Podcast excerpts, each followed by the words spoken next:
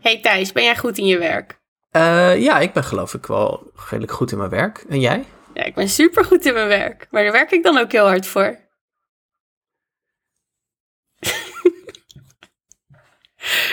um, ja, je, je moet nog even zeggen, ik oh, ben super goed in mijn werk, daar werk ik hard voor. Werk jij hard? Oké. Okay. Onze anekdote loopt nu even stuk.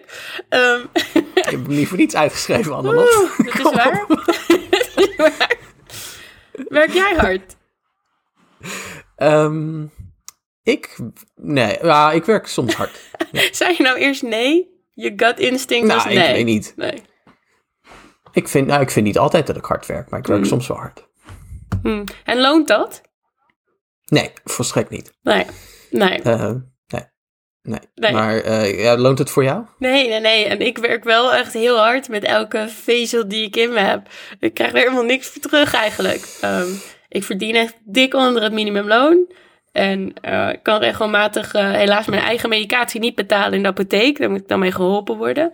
En dan krijg ik straks mijn PhD en mijn promotie straks afgerond. En dan is er ook geen baan of zo. Dus dan, ja. ja, ik weet ook niet echt wat ik dan kan gaan doen. ja, op de arbeidsmarkt. Ja, dat, dat, herken ik wel, dat er geen banen ook is. Dat is wel vreemd, want op zich, um, toen ik opgroeide, en dat zul jij waarschijnlijk ook wel zo hebben ervaren, was toch wel heel erg de indruk die werd gewekt door allerlei mensen ouder dan ons. Dat als je goed je best deed op school en ook een beetje lang op school bleef, hè, uh, studie ging doen en dat soort dingen, dan daarna, dan lag de wereld aan je voet. Kon je alles worden wat je wilde. Ja, zeker. Nou ja, um, bij mij was het niet eens dat alles kunnen worden wat je wilde. Want ik was altijd al ziek en ik ben 50% afgekeurd voor de arbeidsmarkt. Maar er werd mij dus heel erg verteld bij uh, uh, de mensen die mij mijn uh, waarjong gaven. Dat ik zo lang mogelijk moest blijven studeren. Want alles wat in je kop zit, zit niet in je handen. En zo kan je eigenlijk als iemand die zo ziek is, toch nog wat van je leven maken. Um, ja. Maar ja, nu heb ik eigenlijk gewoon een hele grote studieschuld. En niet echt een baan hierna. Ja, dat is niet helemaal wat de bedoeling was, geloof ik. Ik denk dat toch uh, jij en ik daarmee op een realiteit zijn gestuurd die wat anders uitpakt dan we misschien hadden gedacht. En dan behoren jij en ik, denk ik, nog tot de gelukkigen van de wereld. Ja, dat idee heb ik ehm, ook. Ja. ja. Ja. ja, en het gaat nogal um, in, inderdaad, wat jij zegt. Het gaat in tegen een wereldbeeld dat ons best wel lang is voorgehouden. Um, ja. En dat wereldbeeld, daar gaan wij het vandaag eigenlijk over hebben, toch? Dat wereldbeeld dat berust op dat idee dat met heel hard werken en veel studeren iedereen het kan maken. Ja, dat talent en hard werken altijd beloond worden. Ja. Ja. ja. Dat is inderdaad waar we het vandaag over gaan hebben. Um, Annelot, wil jij onze luisteraars welkom heten? Dat wil ik super graag. Welkom bij het Redelijke Midden. De podcast die wordt gerund door vijf talentvolle co-hosts die zich allemaal een ongelukken werken voor redenen die eigenlijk niemand helemaal duidelijk zijn. Ik ben Annelot Prins en ik zit hier vandaag met Thijs Kleinpaste. En Thijs, dit is een hele bijzondere dag, want dit is onze allereerste aflevering die wij zo samen met z'n tweeën maken, zonder gast, zonder co-host. Alleen maar jij en ik. Ja, ik ben er heel enthousiast over. Eigenlijk is dat uniek, want we zijn al best wel lang samen bezig. Maar er was altijd inderdaad iemand anders ook bij. Of we waren met z'n vieren, of met z'n drieën, of, of, of z'n vijven zelfs soms. Ja. Um, Maar nu gewoon jij en ik hebben helemaal samen het voor het zeggen. Wij kunnen helemaal deze de komende 45 minuten in gaan vullen zoals we het willen. Heerlijk. En dat gaan we zeker doen. Nou, welkom dus bij het Redelijke Midden, de tweede aflevering van het vierde seizoen. En dit seizoen pakken we het een beetje anders aan dan we tot nu toe hebben gedaan. We halen namelijk hardnekkige mythes aan in onze politiek of cultuur. Uh, die mythes of populaire opvattingen die zo hardnekkig zijn dat ze de linkse verbeeldingskracht helemaal verstikken. We ontmaskeren de onzin daarachter en bieden je ook een alternatief. En die nieuwe denkbeelden, die alternatieven die we dan aanbieden, die moeten we dan gewoon met elkaar net zo lang herhalen tot ze helemaal zijn ingeburgerd en gemeengoed zijn geworden. Um, dus dat is een grote opgave, maar we beginnen er met frisse moed aan. Um, tot nu toe hebben we twee van dit soort afleveringen voor je gemaakt. Um, we kunnen namelijk best een betere toekomst betalen. En Rutte 3 is hartstikke rechts.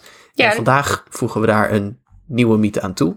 Namelijk, de beste mensen moeten de baas zijn. En dat is niet zo, Annelot. Nee, nee. De mythe van deze aflevering is de mythe van de meritocratie. En dat is de officiële term voor het verhaal dat ons dus vaak verteld wordt. Waarin als je maar goed genoeg je best doet en maar hard genoeg werkt, dat je het verdient om dan daarvoor beloond te worden. En dat is niet je afkomst, maar je toekomst stelt. Het idee dat het enige dat ertoe doet je eigen inzet en doorzettingsvermogen is. Kortom, het idee dat iedereen het kan maken als ze maar dezelfde kansen krijgen. En dat klopt niet, want meritocratie, dat is eigenlijk een hele schadelijke mythe. En Thijs en ik hopen die vandaag gezamenlijk volledig af te branden. Helemaal tot de enkels af te fikken. Gewoon. Ja. ja. maar, voordat, we dat, gaan doen. oh ja, nou, voordat, je dat, voordat we dat gaan doen, je kunt ons uh, sponsoren, zodat wij dit seizoen het beste seizoen tot nu toe kunnen maken. Uh, want jullie geld gaat namelijk naar ons onderhoud, uh, naar de ondersteuning en naar alle infrastructuur die we nodig hebben om deze afleveringen te kunnen maken. Als je daarbij wil helpen, ga dan nu naar petje.af slash het redelijke midden. Want voor 3 euro per maand krijg je toegang tot onze bonusafleveringen, tot de maandelijkse livestreams, tot onze Discord vol met memes en met kattenplaatjes. En toegang tot de opnames die altijd vlekkeloos en als een zonnetje verlopen. waar je dus een, keukje, een kijkje in onze keuken krijgt. Um, voor 10 euro per maand krijg je precies hetzelfde, maar ook de titel Salon Socialist. Um, we bedanken je als je dat doet, even persoonlijk in onze afleveringen. Deze week hebben we twee salonsocialisten te bedanken, namelijk Michiel en Victor. Dank jullie wel voor de steun en het vertrouwen. We zijn er heel erg blij mee. Ja, en mocht je nou bijvoorbeeld deze aflevering gewoon heel goed vinden, dan kun je ook eenmalig ontsteunen met een bedrag naar keuze als blijk voor die waardering. En daar zijn we dan ook gewoon heel blij mee. En minstens zo belangrijk is natuurlijk om niet te vergeten je linkse vrienden, je familie, je collega's te vertellen over onze podcast. Verander je kennissen in kameraden. Like, subscribe en deel. Het betekent een hoop voor ons. Juist, dat is zo. Dus uh, zelfs als je het niet kan missen om ons met wat geld te steunen, en dat begrijpen we heel goed, dat is volkomen legitiem, dan kun je ons helpen door uh, nou ja, andere mensen op onze podcast te wijzen. Maar mocht je nou wel iets aan ons kwijt willen, petje.af slash het redelijke midden. En we zijn je dus heel erg dankbaar. Politici lijken het over één ding allemaal eens te zijn. Onze samenleving zou een meritocratie moeten zijn. En een meritocratische samenleving beloont mensen om hun merites, met een ander woord hun verdiensten. De beste en meest verdienende mensen hebben dan ook de beste maatschappelijke positie en de meeste macht. Mensen worden beloond om wat ze zelf voor elkaar boksen, ongeacht hun afkomst. Ja, en ehm, dat is ook echt een ideaal uh, dat, zoals jij zegt, Annelot, inderdaad heel erg breed gedeeld wordt in Den Haag. Het lijkt alsof niemand het daarmee oneens is. Uh, zo zei bijvoorbeeld Sigrid Kaag van D66, uh, kinderen die nu nog steeds niet dezelfde kansen hebben, daar moeten we echt wat aan doen. En Lilian Ploemen van de PvdA die zei, um, sorry, ik doe dit opnieuw. Want dat was, in de, ik haalde quotes door elkaar. Um, ja, en uh, daar heb je gelijk in, Annelot, dat daar helemaal geen over, eh, oneenigheid over lijkt te bestaan in politiek Den Haag. Dat dit idee van de meritocratie is iets goeds, uh, gedeeld wordt door eigenlijk alle politieke partijen. Um, zo zei bijvoorbeeld Sigrid Kaag van D66, um, ehm, ik strijd voor kansengelijkheid in Nederland. En Liliane Ploemen van de PvdA die zei, kinderen die nog steeds niet dezelfde kansen hebben, daar moeten we echt wat aan het doen. En Mark Rutte die zei, je kunt niet regisseren hoe het leven van mensen verloopt, maar wel dat ze met gelijke kansen aan de start verschijnen.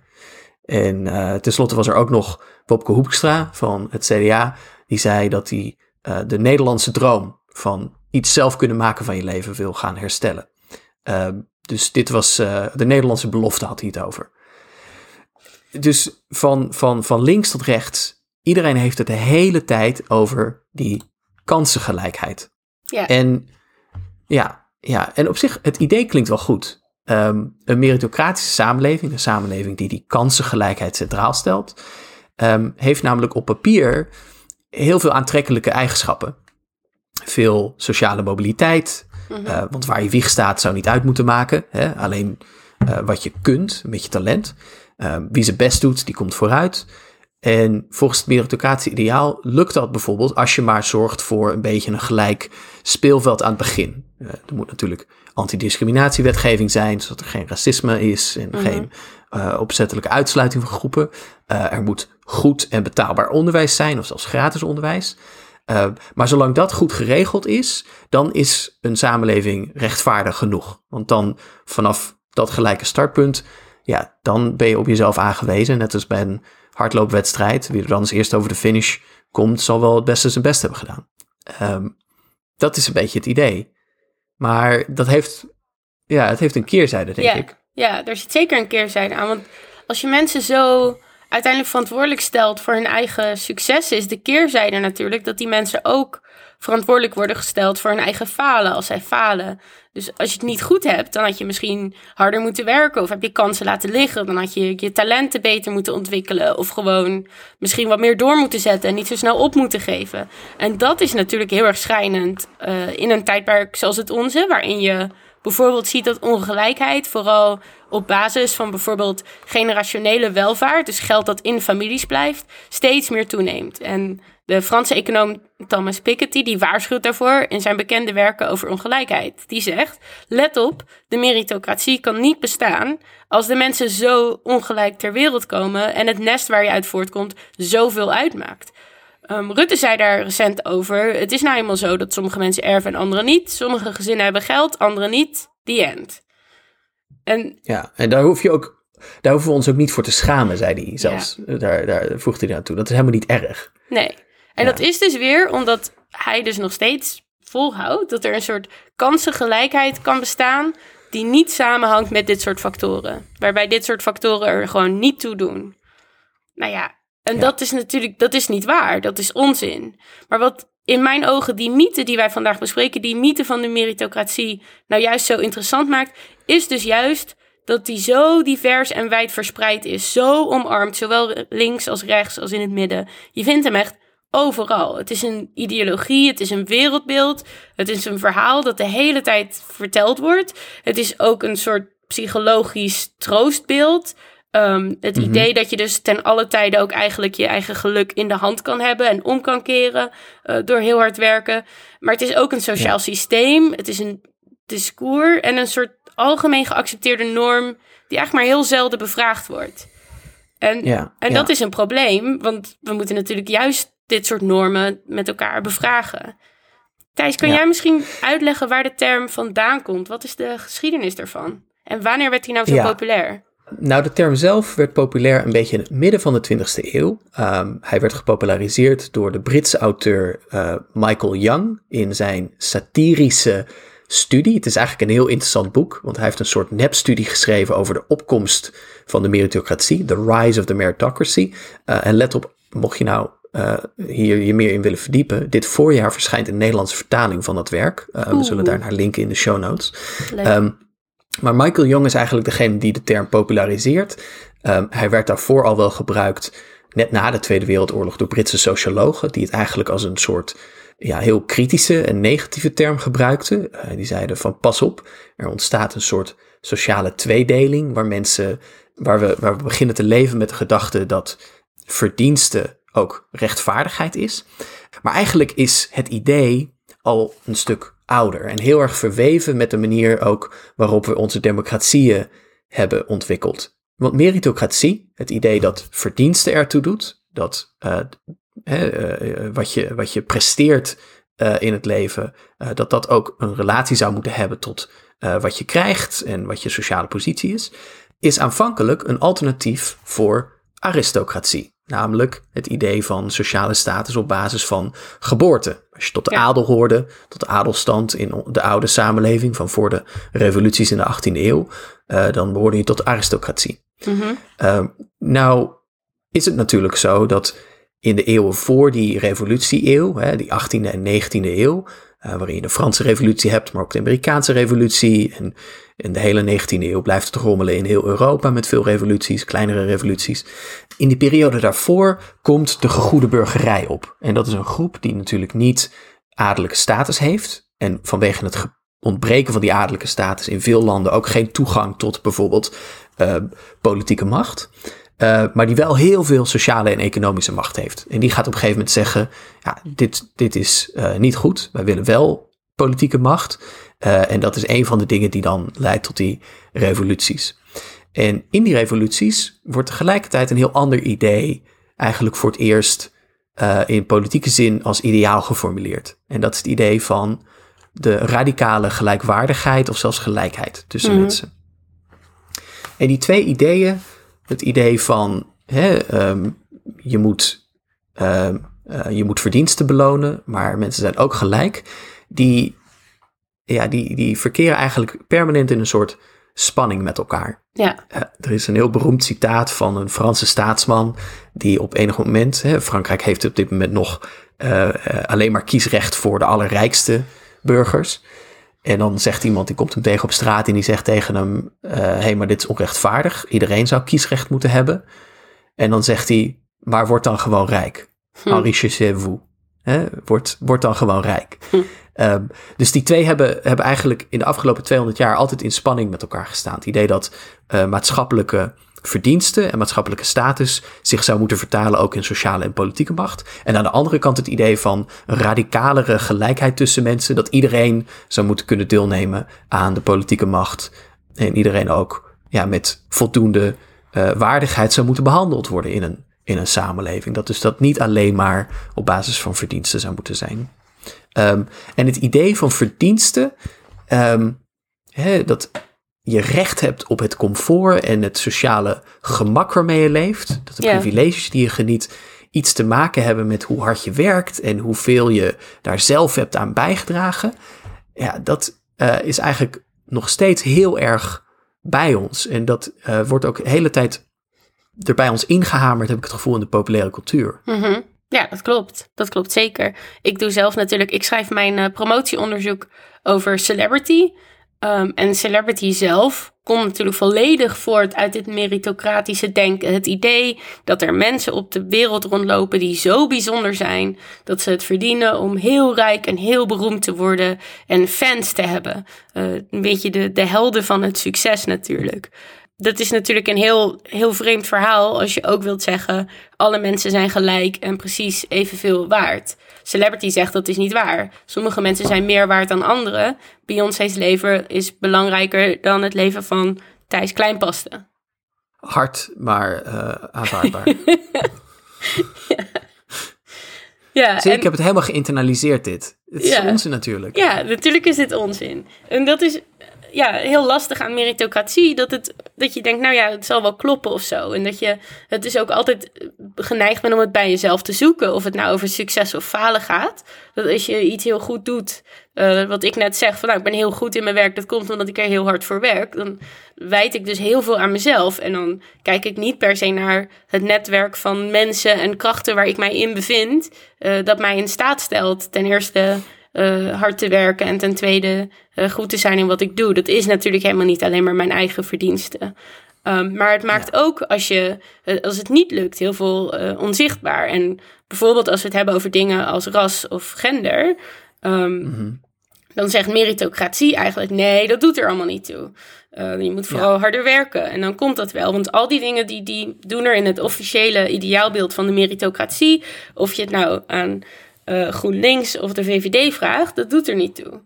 En ja. uh, dan kom je uiteindelijk ook bij een heel lastige uh, situatie, waarbij je dus een bepaalde ideologie hebt, de ideologie van de meritocratie, die je bouwt op een systeem van het neoliberalisme. Um, waarin individuele verantwoordelijkheid ook super belangrijk is. En um, nou ja, de economische en politieke manier waarop onze wereld nu ingericht is, als een soort van de norm wordt neergezet. En je dus dan kan zeggen. Um, nee, we hoeven het niet te hebben over genderongelijkheid. Want vrouwen zouden gewoon meer moeten werken. Die kiezen er zelf voor om, om part-time te gaan werken of zo. Of uh, dat je kan zeggen: nee, maar racisme is geen probleem meer. Want de slavernij is al heel lang afgeschaft. En kolonialisme was heel lang geleden. Um, ja. In afgelopen jaar overleed een, uh, iemand die ik geloof wij allebei erg waarderen, Charles Mills. Die schrijft een boek over. Uh, uh, de racial contract. En die schrijft dan ook over hoe juist uh, het uitwissen van zo'n verleden door uh, ideologieën van zowel neoliberalisme als meritocratie. het zeggen van niks doet er meer toe, er zit geen geschiedenis aan jou, privileges zijn niet aangeboren maar verdiend. als je dat maar lang genoeg blijft zeggen, dan maak je dus ook juist witte superioriteit of een, een patriarchale samenleving steeds sterker in die machtsstructuren die er natuurlijk nog zijn, omdat het onmogelijk wordt om ze te bekritiseren. Uh, omdat, ja. omdat iedereen zegt nee, maar wij vinden allemaal racisme en seksisme slecht. Maar ja, toch ik is het er. in die Ja, en ik wil het in die context ook hebben over de obsessie die veel meritocraten uh, of mensen die zeggen, uh, politici, andere mensen die zeggen het gaat om kansengelijkheid, een soort obsessie die ze vaak hebben met onderwijs. En mm -hmm. ik bedoel niet te zeggen dat onderwijs slecht is, um, maar mensen die het vaak hebben over kansengelijkheid, die ja, die, die schrijven toch een soort sociale superkrachten aan het onderwijs toe, die op zijn best twijfelachtig zijn.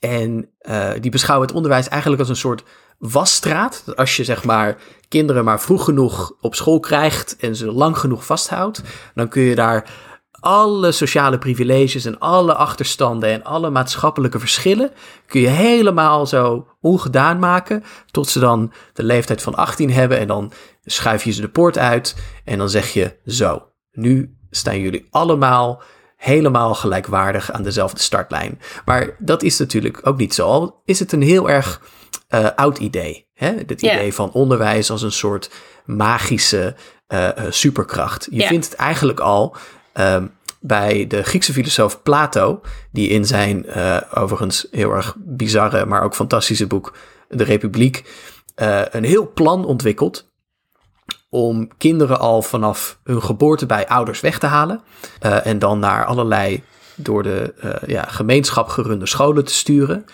Um, zodat ook in die scholen er een onderscheid gemaakt kan worden tussen kinderen met een bronzen ziel, een zilveren ziel en een gouden ziel.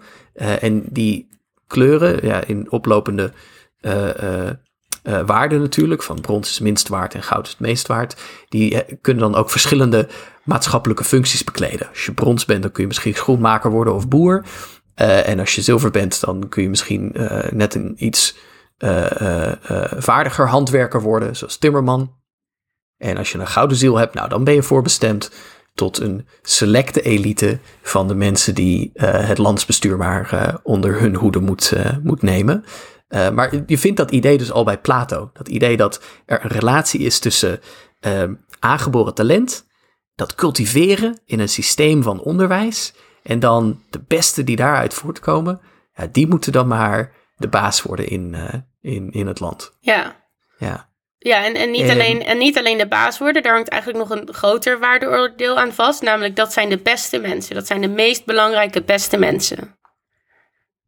Ja, inderdaad. Uh, en ik vind dat met name schrijnend in een land als Nederland, uh, dat echt ook een onderwijssysteem heeft in zekere zin, dat wel een beetje zo lijkt te functioneren. Mm -hmm. Ik vind het is, het is werkelijk van een onbeschrijfelijke vreedheid. En ik gebruik dat woord niet lichtzinnig dat in Nederland kinderen al op hun twaalfde, als ze van de basisschool afkomen, worden uitgesorteerd en heel andere verschillende maatschappelijke kanten opgaan. Ja. Um, dat er een heel select gezelschap is van ja, havisten en VWO'ers, die dan um, die, die, die, die gaan naar de maatschappelijke. Uh, uh, die, die, die zitten aan de juiste kant van, van een soort maatschappelijke kansenkloof. En je hebt een heel groot deel, uh, ja, die gaat naar het VMBO. Um, daar, uh, we weten ook bijvoorbeeld uit de prachtige documentaire, de documentaire reeks Klassen uh, mm -hmm. op de NPO, we zullen daar naar linken. Ja, iedereen hoe, kijken.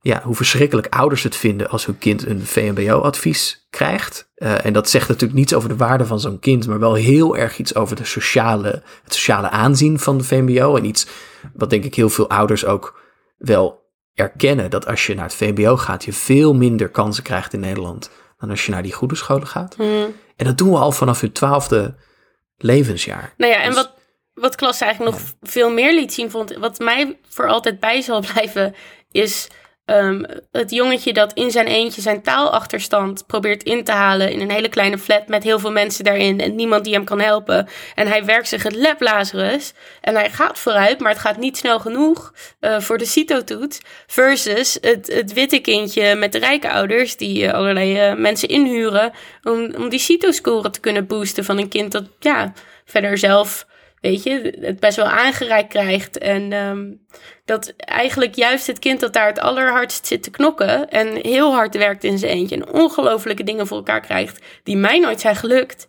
um, inderdaad toch niet het advies krijgt waar die op hoopt. En die verslagenheid en die, Dat, dat eindeloze tegen de stroom in moeten zwemmen en vechten daartegen. Dat, dat, dat is het allerpijnlijkste om te zien aan die documentaire, vind ik. Dat het wel degelijk uitmaakt uh, waar je vandaan komt. Um, voor de kansen die je krijgt in ons onderwijssysteem.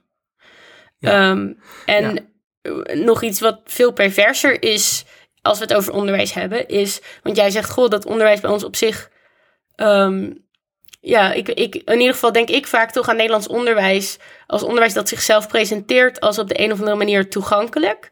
Uh, mm Met collegegeld dat niet uh, tienduizenden euro's is, maar uh, in ieder geval toen ik studeerde 1600 euro. wat toen op de een of andere manier redelijk werd gevonden, terwijl ik nu hier in Duitsland 700 euro of 600 euro zelfs per jaar betaal. nou, dat is dus een mhm. stuk toegankelijker. Ik heb ook hier gewoon nog gratis OV als promovendus. Ik weet eigenlijk niet of dat in Nederland nog is. De studiebeurs afgeschaft, het leenstelsel. Weet je, zo toegankelijk is het allemaal helemaal niet meer. Ik weet nog de, de langstudeerdersboete die ik moest betalen omdat ik ziek was en studeerde. 3000 euro die ik kwijt was omdat ik er te lang over deed. Ehm, en wat je eigenlijk ziet is dat die meritocratische ideologie van zelf hard doorwerken en doorzetten en in jezelf blijven investeren, weerbaar zijn en maar doorgaan uh, en verantwoordelijkheid nemen voor je eigen succes daarin, um, heel vaak wordt ingezet om ook juist de verzorgingsstaat mee af te breken. Omdat er een soort argument wordt gebouwd dat mensen niet afhankelijk moeten zijn van de staat of van, van hulp. Dus dat je uh, ja, sociale zekerheden uh, weg moet doen. Of dat mensen best mogen betalen voor onderwijs, omdat het een investering is in zichzelf. En dat ze zich daarvoor best diep in de schulden zouden mogen steken. Omdat dat, uh, ja, dat dat nou eenmaal de prijs van die investering is. Of het idee dat de bijstand streng goed bekeken moet worden wie dat nou wel of niet krijgt. Omdat anders mensen lui zouden worden. Omdat mensen niet zouden mhm. willen werken. Dat je ze op moet voeden in plaats van betuttelen. Het hele, de hele ideologie van tough love.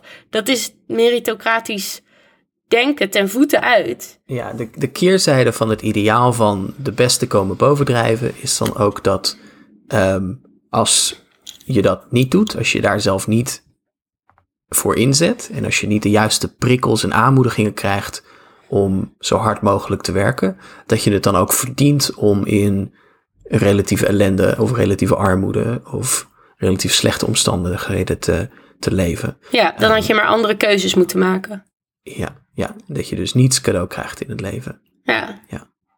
ja. Ook, zo, ook zo'n uitdrukking, hè? iets cadeau krijgen. Kom, Ugh. zoiets cadeau krijgen. Ja. dit is een samenleving, hè? het is geen Sinterklaasfeestje. Het is, een, het, is een, het is een sociaal systeem van hoe ga je om als samenleving met de beschikbare middelen die je hebt. Met de grond, van, van de grondstoffen tot de arbeid tot de kapitaalgoederen. Um, een kinderachtig beeld. Dat het een Sinterklaasfeestje zou zijn. Ja. Um, ik moet zeggen dat ik ook persoonlijk hier wel mee, mee, mee worstel. Uh, met die vraag van. Zeker als het gaat om, om, om het genieten van een goed onderwijs. Um, ik ben. Ik, ik beschouw mij namelijk, en ik denk terecht. als een uitzonderlijk gelukkig en gezegend en, ge, en bevoorrecht uh, mens. Ik mocht naar het gymnasium in Apeldoorn. Uh, ik heb daar een jaartje langer over gedaan. En toen ging ik naar de UvA, Universiteit van Amsterdam. Ik heb gestudeerd een master aan de chique Universiteit van St. Andrews in Schotland. En nu ben ik een PhD-kandidaat aan de ook chique Universiteit uh, Georgetown in Washington, D.C. dus ik ben echt, nou ja, ik zit, ik zit overal zit ik aan de heel bevoorrechte en heel geprivilegeerde kant uh, van de streep. Als je kijkt naar het onderwijs dat ik heb mogen uh, ontvangen. Um, en tegelijkertijd voel ik me daar soms ja, heel dubbel over. Omdat ik het ook denk, het had best anders kunnen aflopen. Um, ik, weet je, mijn, toen, toen ik uh, tiener was in mijn tienerjaren, had ik heel cruciale jaren op de middelbare school. Mm-hmm. Toen kwam mijn vader in, uh, onder bewind van een curator terecht, uh, buiten zijn schuld. Maar hij heeft jarenlang ver onder het sociaal minimum moeten leven en twee kinderen moeten opvoeden. Uh, mijn moeder is in diezelfde periode meermaal, meerdere malen opgenomen geweest in een uh, kliniek voor geestelijke gezondheidszorg, omdat ze een acute psychose had. Dus die is gedwongen opgenomen. Kon, kon natuurlijk niet voor zichzelf, maar laat staan voor haar twee zoons zorgen. Ja. Um, en ja, ik wil mezelf daar als tiener maar een beetje doorheen geslagen en zo. Maar ik realiseer me denk ik wel dat het best heel erg anders had kunnen aflopen. En Ja. best ook anders had kunnen aflopen als ik bijvoorbeeld niet.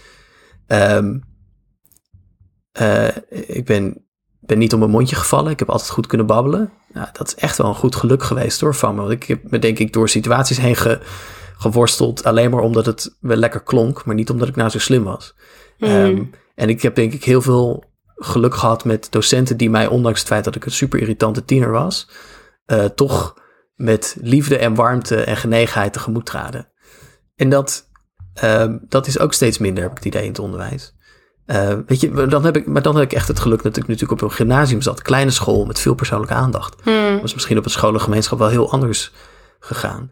Dus ik vind dat ook persoonlijk, maar in mijn eigen leven, als ik nou nadenk over voorrecht en privilege en over klassen bijvoorbeeld, dan weet ik voor mezelf nooit helemaal waar ik nou bij hoor.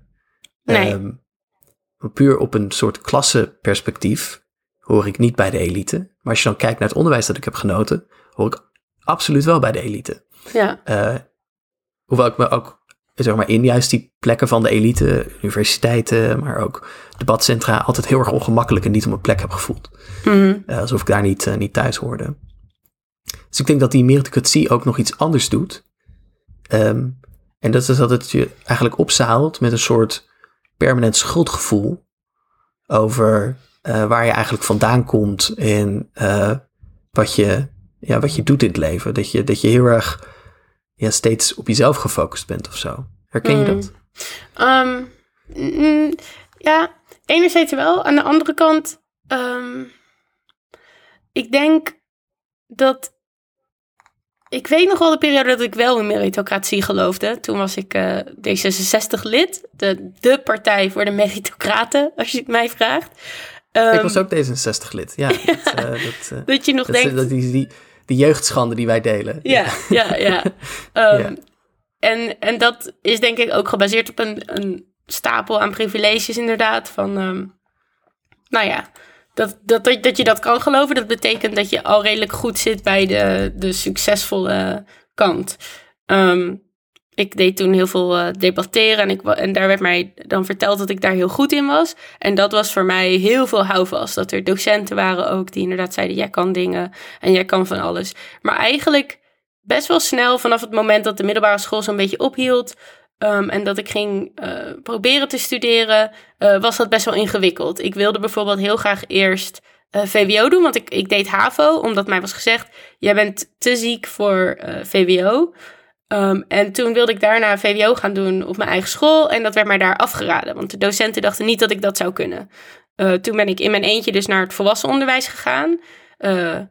Dat was een enorme schok. Bij de, de Zatkien in eh Capelle aan de IJssel zat ik. En daar kwam je terecht in een lokaal met nou, misschien wel 60 mensen erin. Eh, allemaal volwassenen die om allerlei redenen hun eh, middelbare schooldiploma niet hadden gehaald. Of te vaak waren gezakt voor examens. Ehm, en die, dat, die Zatkin, dat was een school... Nou, dat was best wel heftig. Eh, dat was helemaal niet zo lieflijk als mijn eigen middelbare schooltje daarvoor. En ik moest het echt zelf doen. En dat lukte. Ik weet nog steeds niet echt hoe.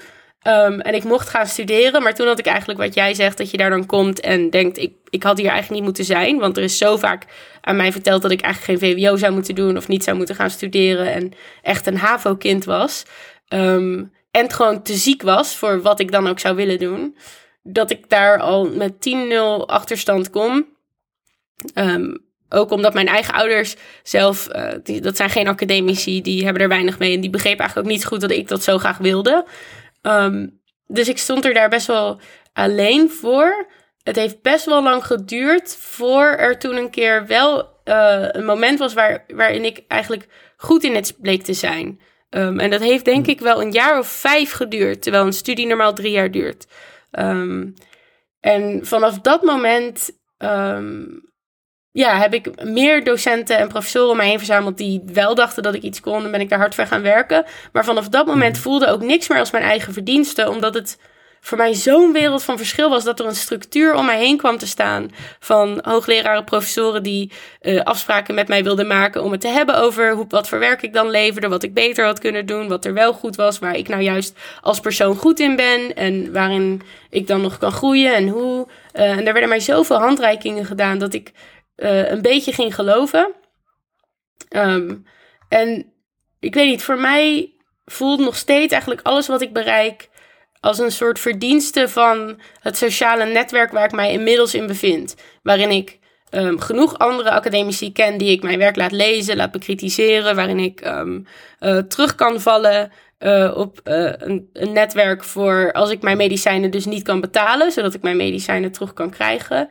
Um, en nog steeds voelt het erg precair, want ja, ik ben straks klaar met mijn promoveren en de banen zijn er niet. Dus wat ga ik dan mhm. doen uh, met dat zieke lijf van me dat niet uh, eh, 40 uur per week op een kantoor kan zitten?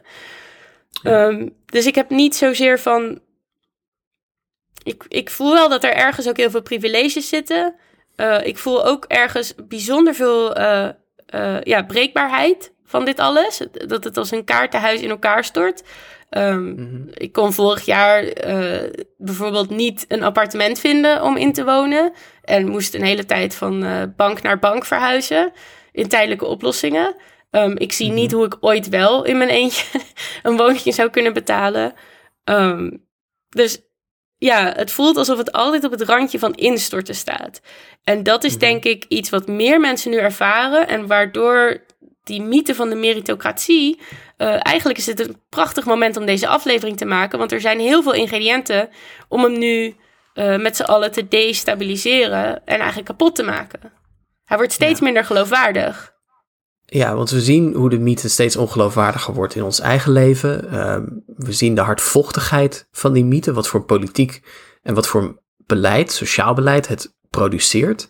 Die gedachte dat um, want dat, dat, dat zit er natuurlijk ook achter. Het, het idee, het hardnekkige idee dat uh, Nederland een land is van kansengelijkheid, mm zorgt er dan dus ook inderdaad voor dat je een heel wraakzuchtige benadering krijgt van iedereen die dan die kansen kennelijk niet heeft gegrepen. Uh, maar er zit ook nog een, denk ik, een andere politieke dimensie aan die meritocratische mythe. En dat is dat die meritocratische mythe eigenlijk bedacht is om een veel oudere sociale tegenstelling, die mensen hebben geprobeerd om uh, uh, ja, te ontmantelen, namelijk die van klasse, dat meritocratie die tegenstelling eigenlijk aan het gezicht onttrekt. Mm. Dus um, meritocratie bijvoorbeeld introduceert het idee dat um, omdat die kansengelijkheid er is, er niet meer zoiets is als materieel verschillende belangen die mensen verdedigen.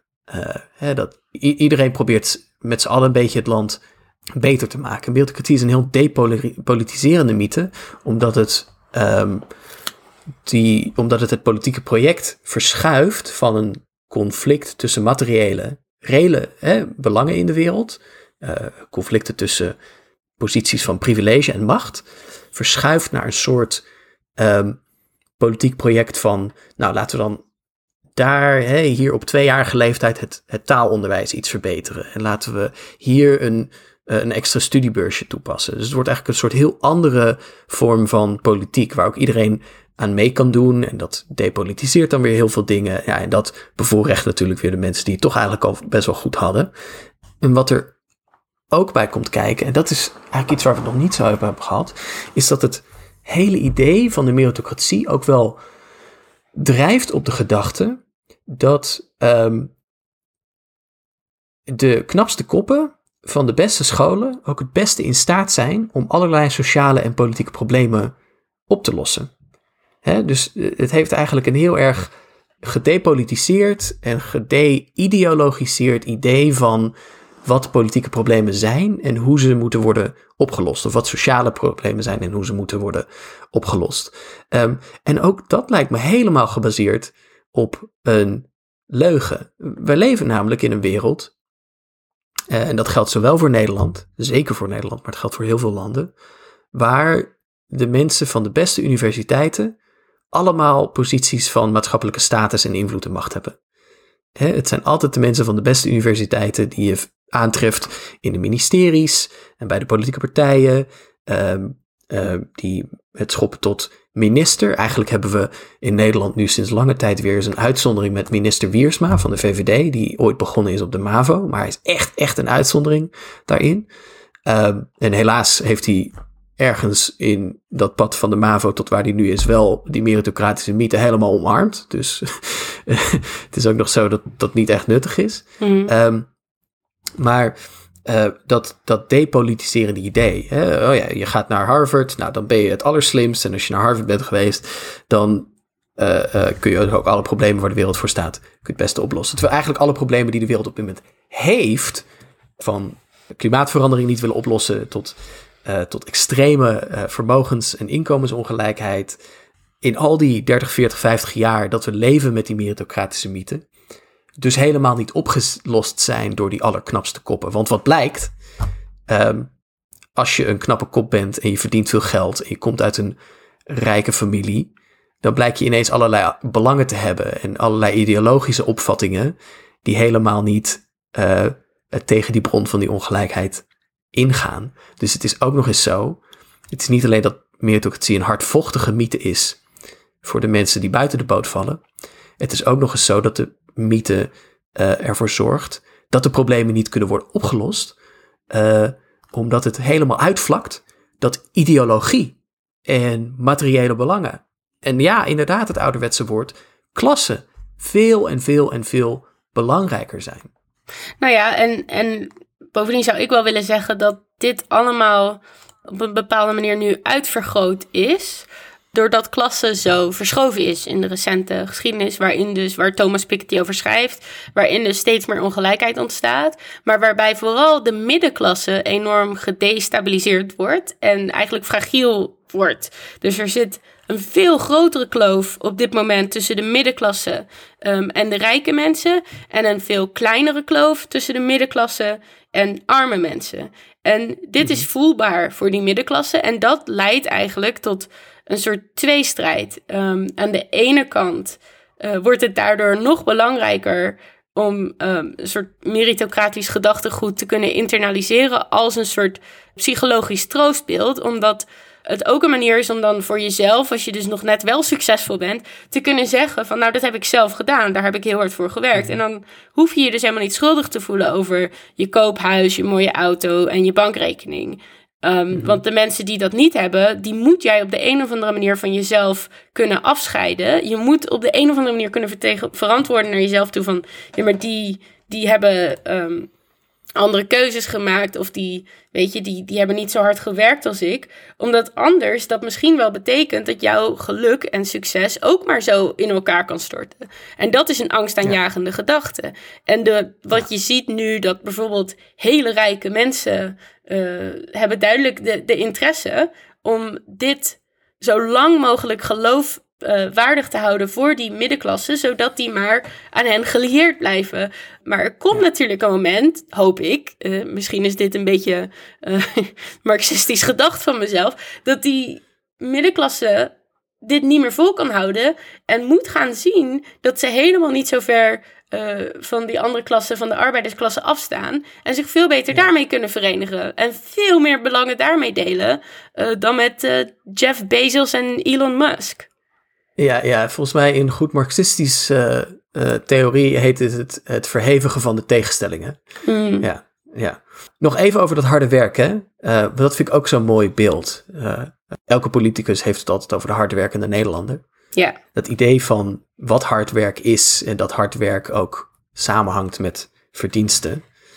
Ik denk dat niemand ontkent dat zelfs ook een deel van de mensen die heel goede banen heeft en een hele hoge maatschappelijke status, best wel hard werkt.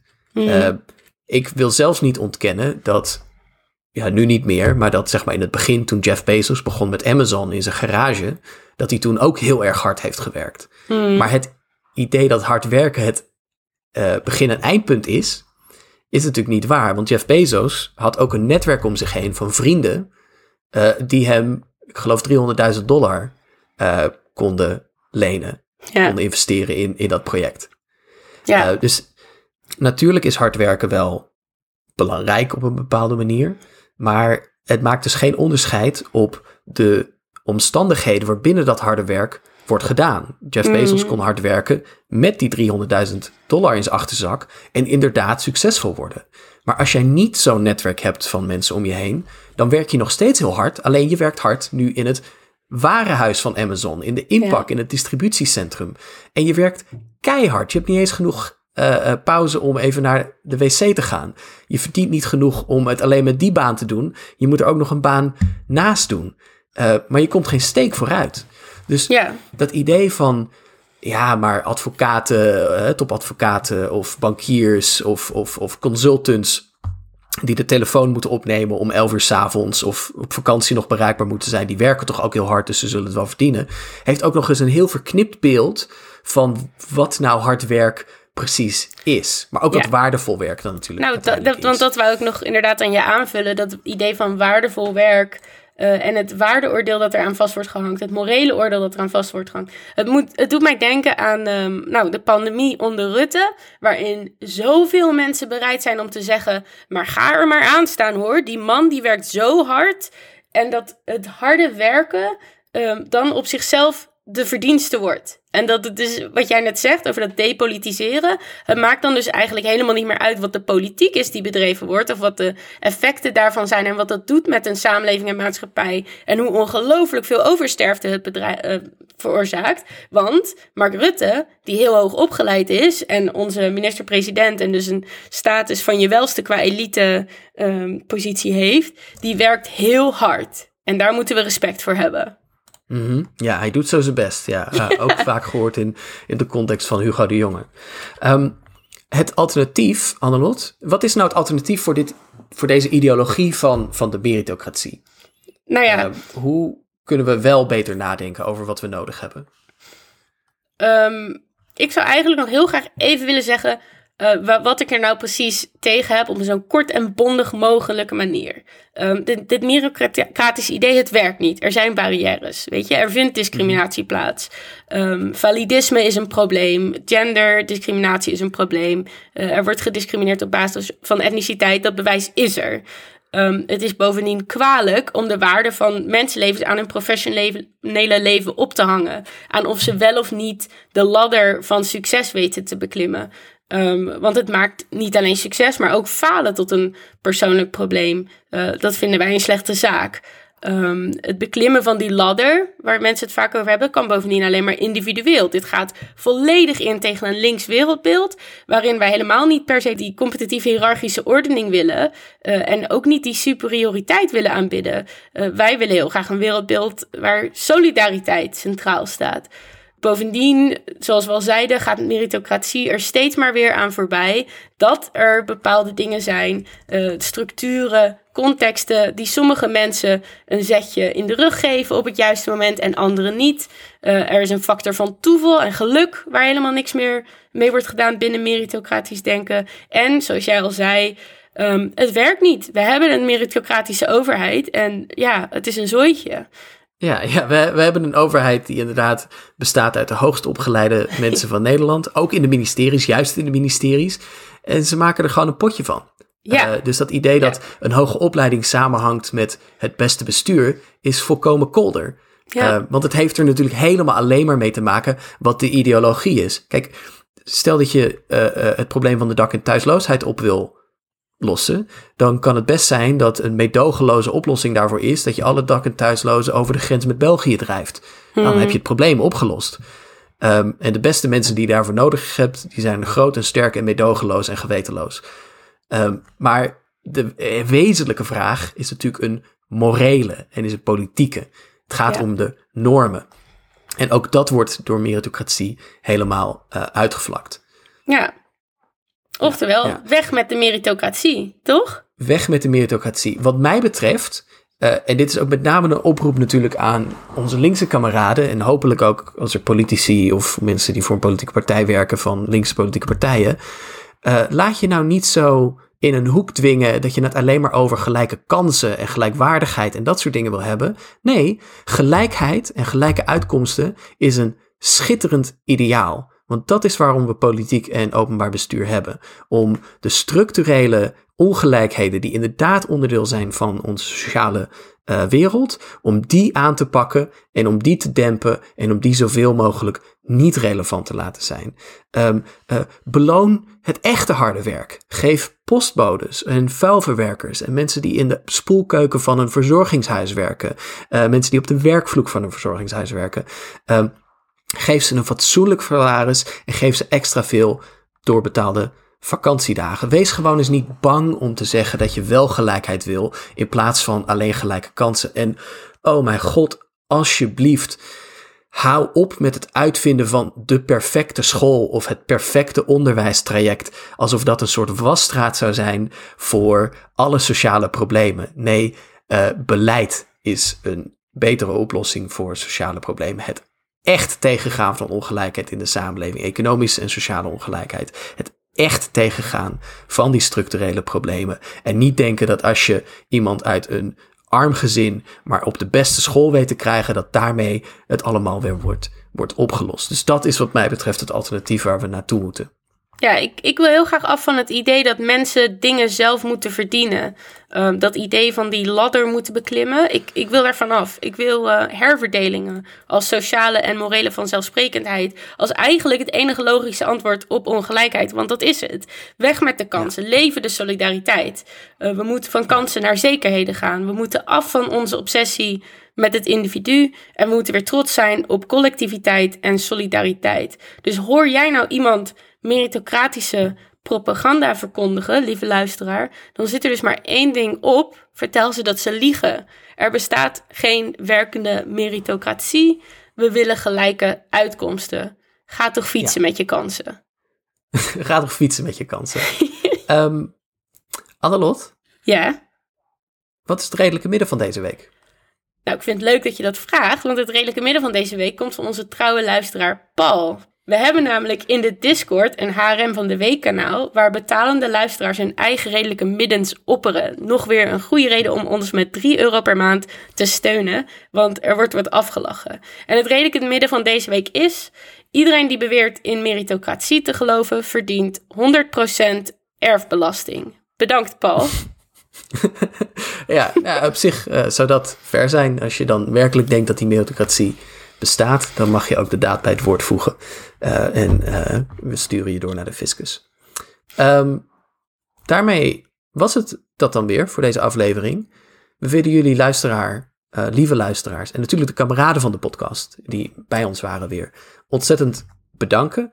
Um, alle bronnen, verwijzingen die we hebben genoemd kun je terugvinden op onze website in onze show notes, het redelijkemidden.nl. Uh, en mocht je nou bijzonder genoten hebben van deze aflevering, vergeet dan niet om te delen met geliefde vrienden, familie, Tinderdates, collega's, kennissen. Maak van je kennis een kameraad. Je grootmoeder, uh, die je nog steeds aanraadt om eens een brief te schrijven naar de Universiteit van Amsterdam, waar je uitlegt hoe graag je er zou willen werken. Of een GroenLinkse die nog steeds denkt het systeem van binnenuit beter te kunnen maken. Um, al deze mensen mogen luisteren naar Het Redelijke Midden. Uh, je kunt ons steunen op petje.af slash Het Redelijke Midden. Voor 3 euro per maand krijg je al toegang tot de bonusafleveringen, de livestreams, de Discord-server, de opnames. Je kunt uiteraard ook een eenmalige donatie doen als je denkt: hey, deze aflevering vond ik super. Uh, om ons te motiveren om meer van dit soort dingen te doen. Volg ons op twitter.com slash redelijke midden. Instagram.com slash redelijke midden. En uh, vragen, complimentjes, verwensingen, memes of ideeën voor nieuwe afleveringen kun je ons sturen via de mail. Het kom. Um, Thijs kun je proberen te volgen op Kleinpaste Thijs op Twitter, maar dat gaat je niet lukken, want hij is er even niet. Um, op Instagram ben ik wat actiever, maar eigenlijk is mijn kat Captain Mergpijp de uh, main attraction daar. En die kun je tegenwoordig volgen op Instagram via Mergpijp Affirmations, Mergpijp laagstreep Affirmations. Um, jou kun je volgen geloof ik op Twitter en Instagram ook. En op beide ben jij Lennart Spion. Dat klopt. Heel erg bedankt voor het luisteren allemaal en tot de volgende keer. Hoi. Doei.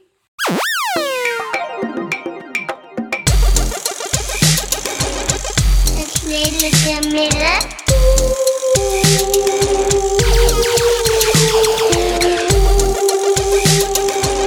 Het lelijke midden. De podcast.